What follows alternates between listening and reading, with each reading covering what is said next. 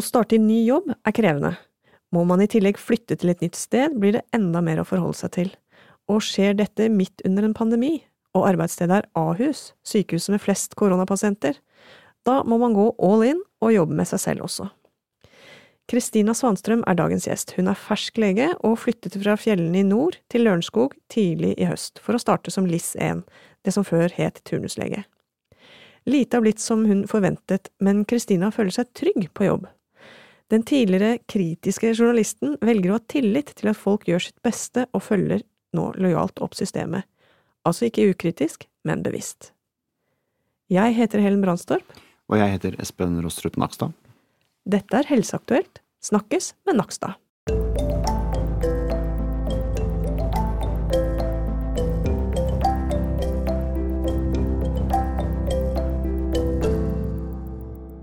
Du Espen, du har jo også vært turnuslege. Det heter LIS1 nå, men mm. på din tid så var du turnuslege. Og det sies å være den mest lærerike perioden i en leges karriere.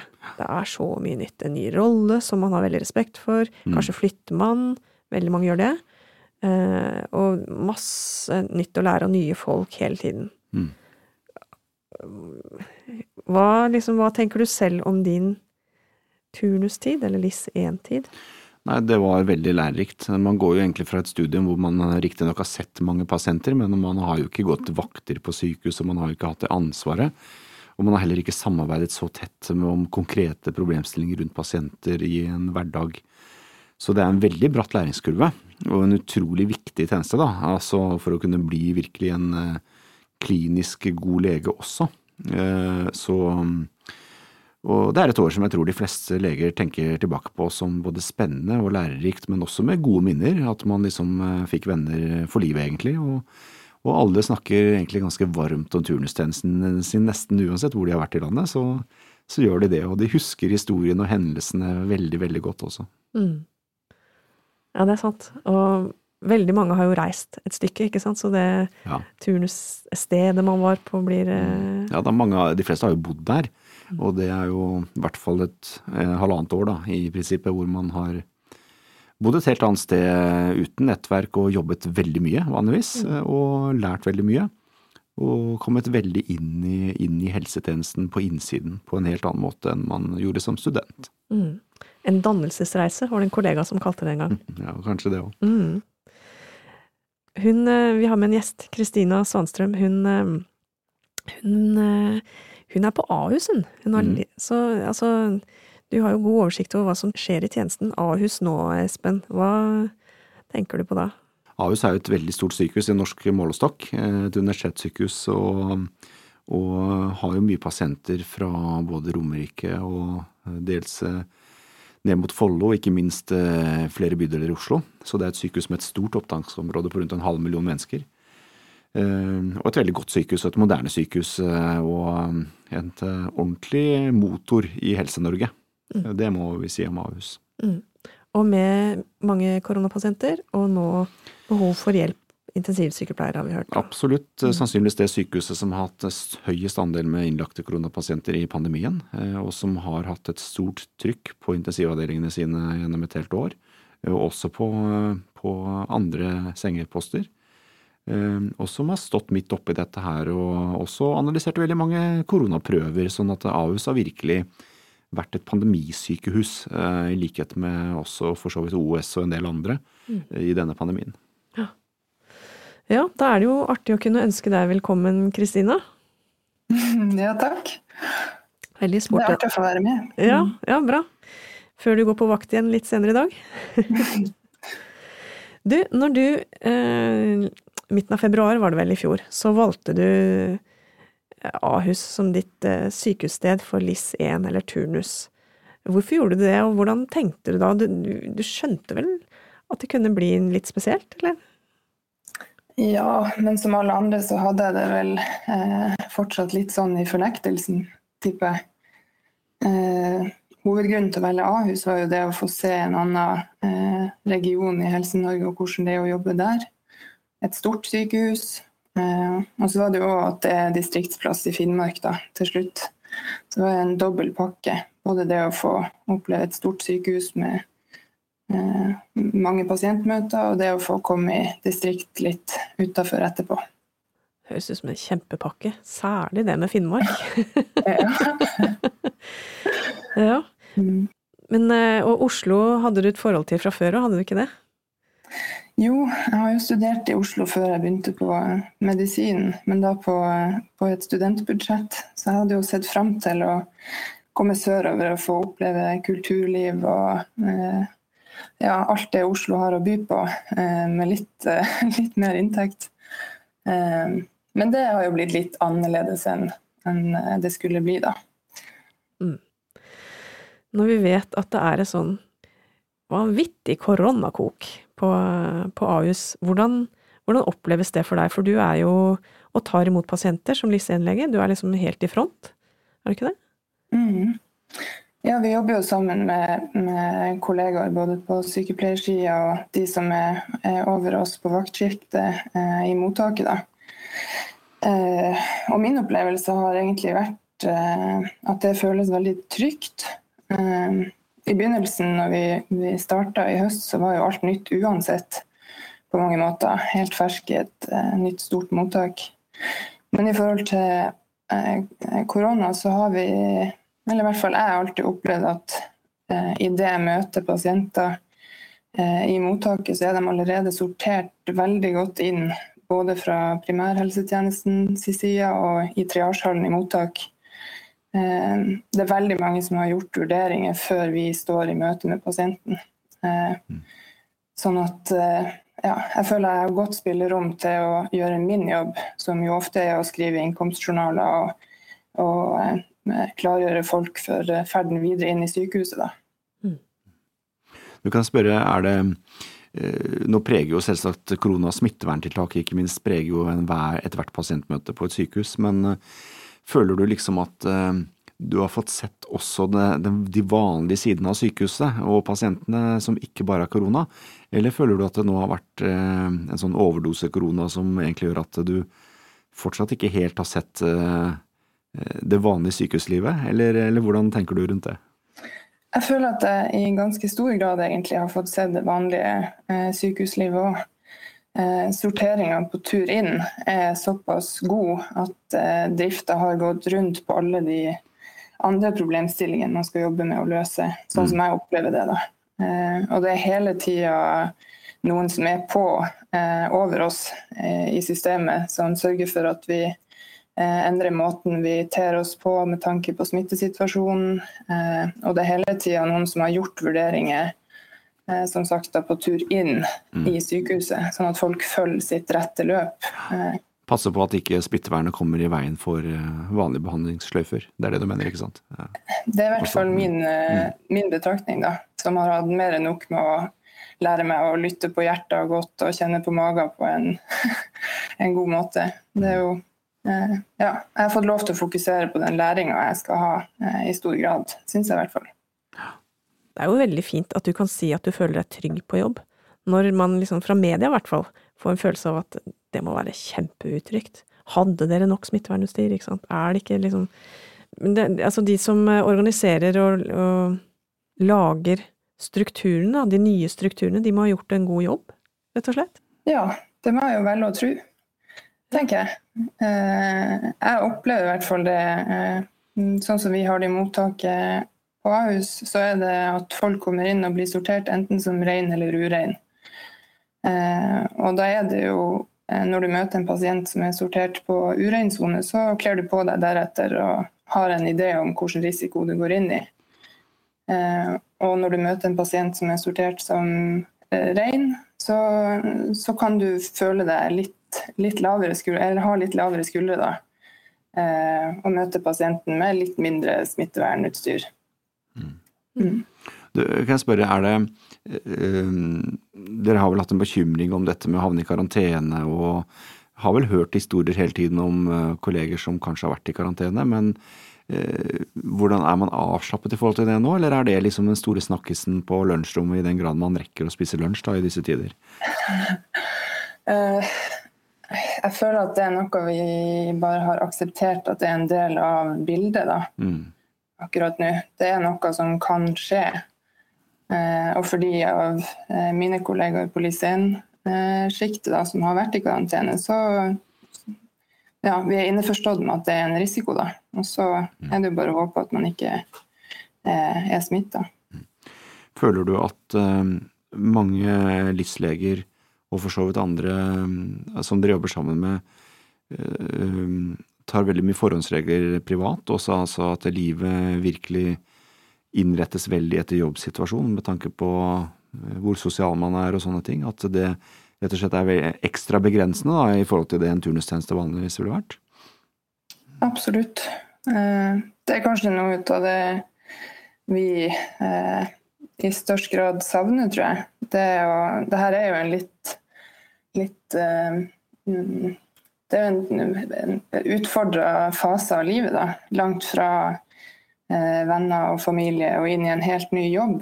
Eh, litt som jeg tror også andre unge nyutdanna i en ny jobb akkurat nå føler på, uansett om man er lege eller ikke. Så er det jo det å ha et sosialt nettverk og aktiviteter utenfor jobb er jo til vanlig viktig for å kunne blåse litt ut. Mm. Og det tror jeg mange eh, kjenner et savn på. Det kjenner i hvert fall jeg et savn etter. Eh, å få, få, en klem fra en, en venn. Mm. Kanskje komme enda tettere på de andre turnuslegene og det kollegiale, da, muligens, i og med at man egentlig bare har den arenaen. Mm. Ja. ja. vi har jo forholder oss jo i litt sånn mindre kohorter da, og eh, går turer når det er lov. Eller har spist noen middager. I, men det blir jo veldig begrensa hvor mange man kan være. Og, mm. mm. Men vi har nå fått isbada litt, og vi har fått fyra bål og eh, smilt. Så Det er bra. Ja, det er bra. Det her med Jeg vil litt, litt tilbake til det der å måtte innrette seg liksom, i et nytt system, fordi du har jo bakgrunn som journalist også. Uh, og du har ikke altså, Det å være uh, kritisk og hevde dine meninger, det, det har jeg funnet at du har gjort. For noen år siden hadde du følgende overskrift i Aftenposten. Jeg er legestudent og frykter en fremtid i et system der debatt ikke anses som konstruktivt. Der, eh, altså da handlet det om lokalsykehus. Um, og nå har vi jo mye debatt etter hvert. Eh, om smitteverntiltak, om vaksinerekkefølge og, um, og det kunne vært mye debatt i det systemet hvor du sier at du har, velger å ha tillit til de som organiserer og de som tilrettelegger. Mm. Kan du si litt om, om det her sånn? Ja, eh, jeg tror ikke de to står opp mot hverandre, egentlig. Jeg mener litt det samme i dag. Og det er jo eh, at jeg tenker vi skal, vi skal, lytte til de som er gode på det de holder på med. Eh, og, og på en måte ha tillit til at det er en grunn til at de er i den posisjonen de er. Eh, Eh, den, eh, det innlegget du sikter til, handla jo om lokalsykehus. og da var det eh, egentlig Tanken min bak det innlegget var at vi må høre på dem som jobber på sykehusene. De må få lov til å ytre seg for at vi skal kunne ha en, en god debatt om veien videre. Og det tenker jeg jo òg i dag. At når vi snakker om vaksiner f.eks., så nytter det lite at Eh, at jeg som Lisen eh, i den posisjonen jeg er nå, ligger våken om natta og prøver å finne svaret. Jeg tror det er litt, ro, eh, litt klokt å sitte rolig i båten og se hva de her store institusjonene og debattene som allerede er i gang, ender opp med, med av retning videre. Da. Mm. Mm.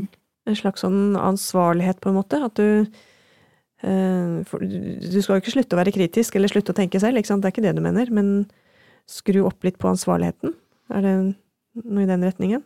Ja, eller bare at eh, det kan være lurt å lytte litt av og til til hva det egentlig er vi Nå vet vi jo ikke helt hva det er slags problemstilling vi står overfor. Det er sånn som jeg oppfatter det, det er ganske mange av, av eh, ja, veldig mye av det som skjer eh, under pandemien nå, er jo eh nytt. Mm. Og da tror jeg det Eller jeg oppfatter i hvert fall at det er litt greit for min del å bare ta det litt rolig og se hva som beveger seg. Og så kan man jo ta et standpunkt etter hvert. Mm. Men det er ikke nødvendig å rope og mene noe bare for å gjøre det. Mm. Mm. Jeg tenkte på dette med at det journalistiske perspektivet. da, altså Du er jo helt sikkert vant til å lese nyheter og følge godt med. og Eh, tenker du at, eh, at alt det som skjer på sykehusene nå i denne pandemien, at det kommer godt nok fram i media? Det er mye snakk om smittetall og alt mulig som skjer, og politiske beslutninger, men altså det indre liv på sykehusene, hvor altså dette faktisk dreier seg om, føler du at folk egentlig har fått formidlet det godt nok? Ja, det blir vel jeg litt påvirka av mitt eget ståsted, da. Men jeg tenker ofte at eh, media med fordel kan være litt mindre tabloid på denne tematikken. Fordi det er veldig lite som er skrevet i stein. Eh, og da er det skummelt å eh, gå hardt ut med som om man har eh, Som om vi vet mer enn vi egentlig gjør akkurat nå. Mm. Det tror jeg kan skremme folk mer enn det opplyser folk. Mm. Jeg tenker kanskje mer på det med Tror du folk flest gjennom media har fått en god forståelse av, av hvordan det er med disse pasientene? Hvor syke de er, hva det krever å håndtere dem på sykehus? altså eh, Media har jo egentlig ikke blitt sluppet inn på sykehus da, i første del av pandemien. Det har jo vært eh, besøksrestriksjoner som har vært veldig strenge.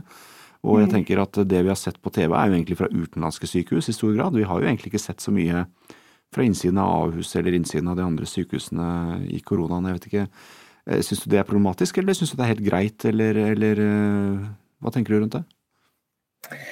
Eh, akkurat, akkurat, tilgangen inn på sykehus eller ikke, vet jeg ikke. Men det er kanskje eh, Fra mitt ståsted tenker jeg kanskje at eh, man kan være flinkere til å formidle at mye handler om å beskytte alle de pasientene som ikke har Eh, korona. Mm. Altså, mye av eh, jobben er jo å sørge for at vi kan fortsette å behandle alle dem som har andre problemstillinger eh, i sine liv som de trenger hjelp eh, til i helsevesenet.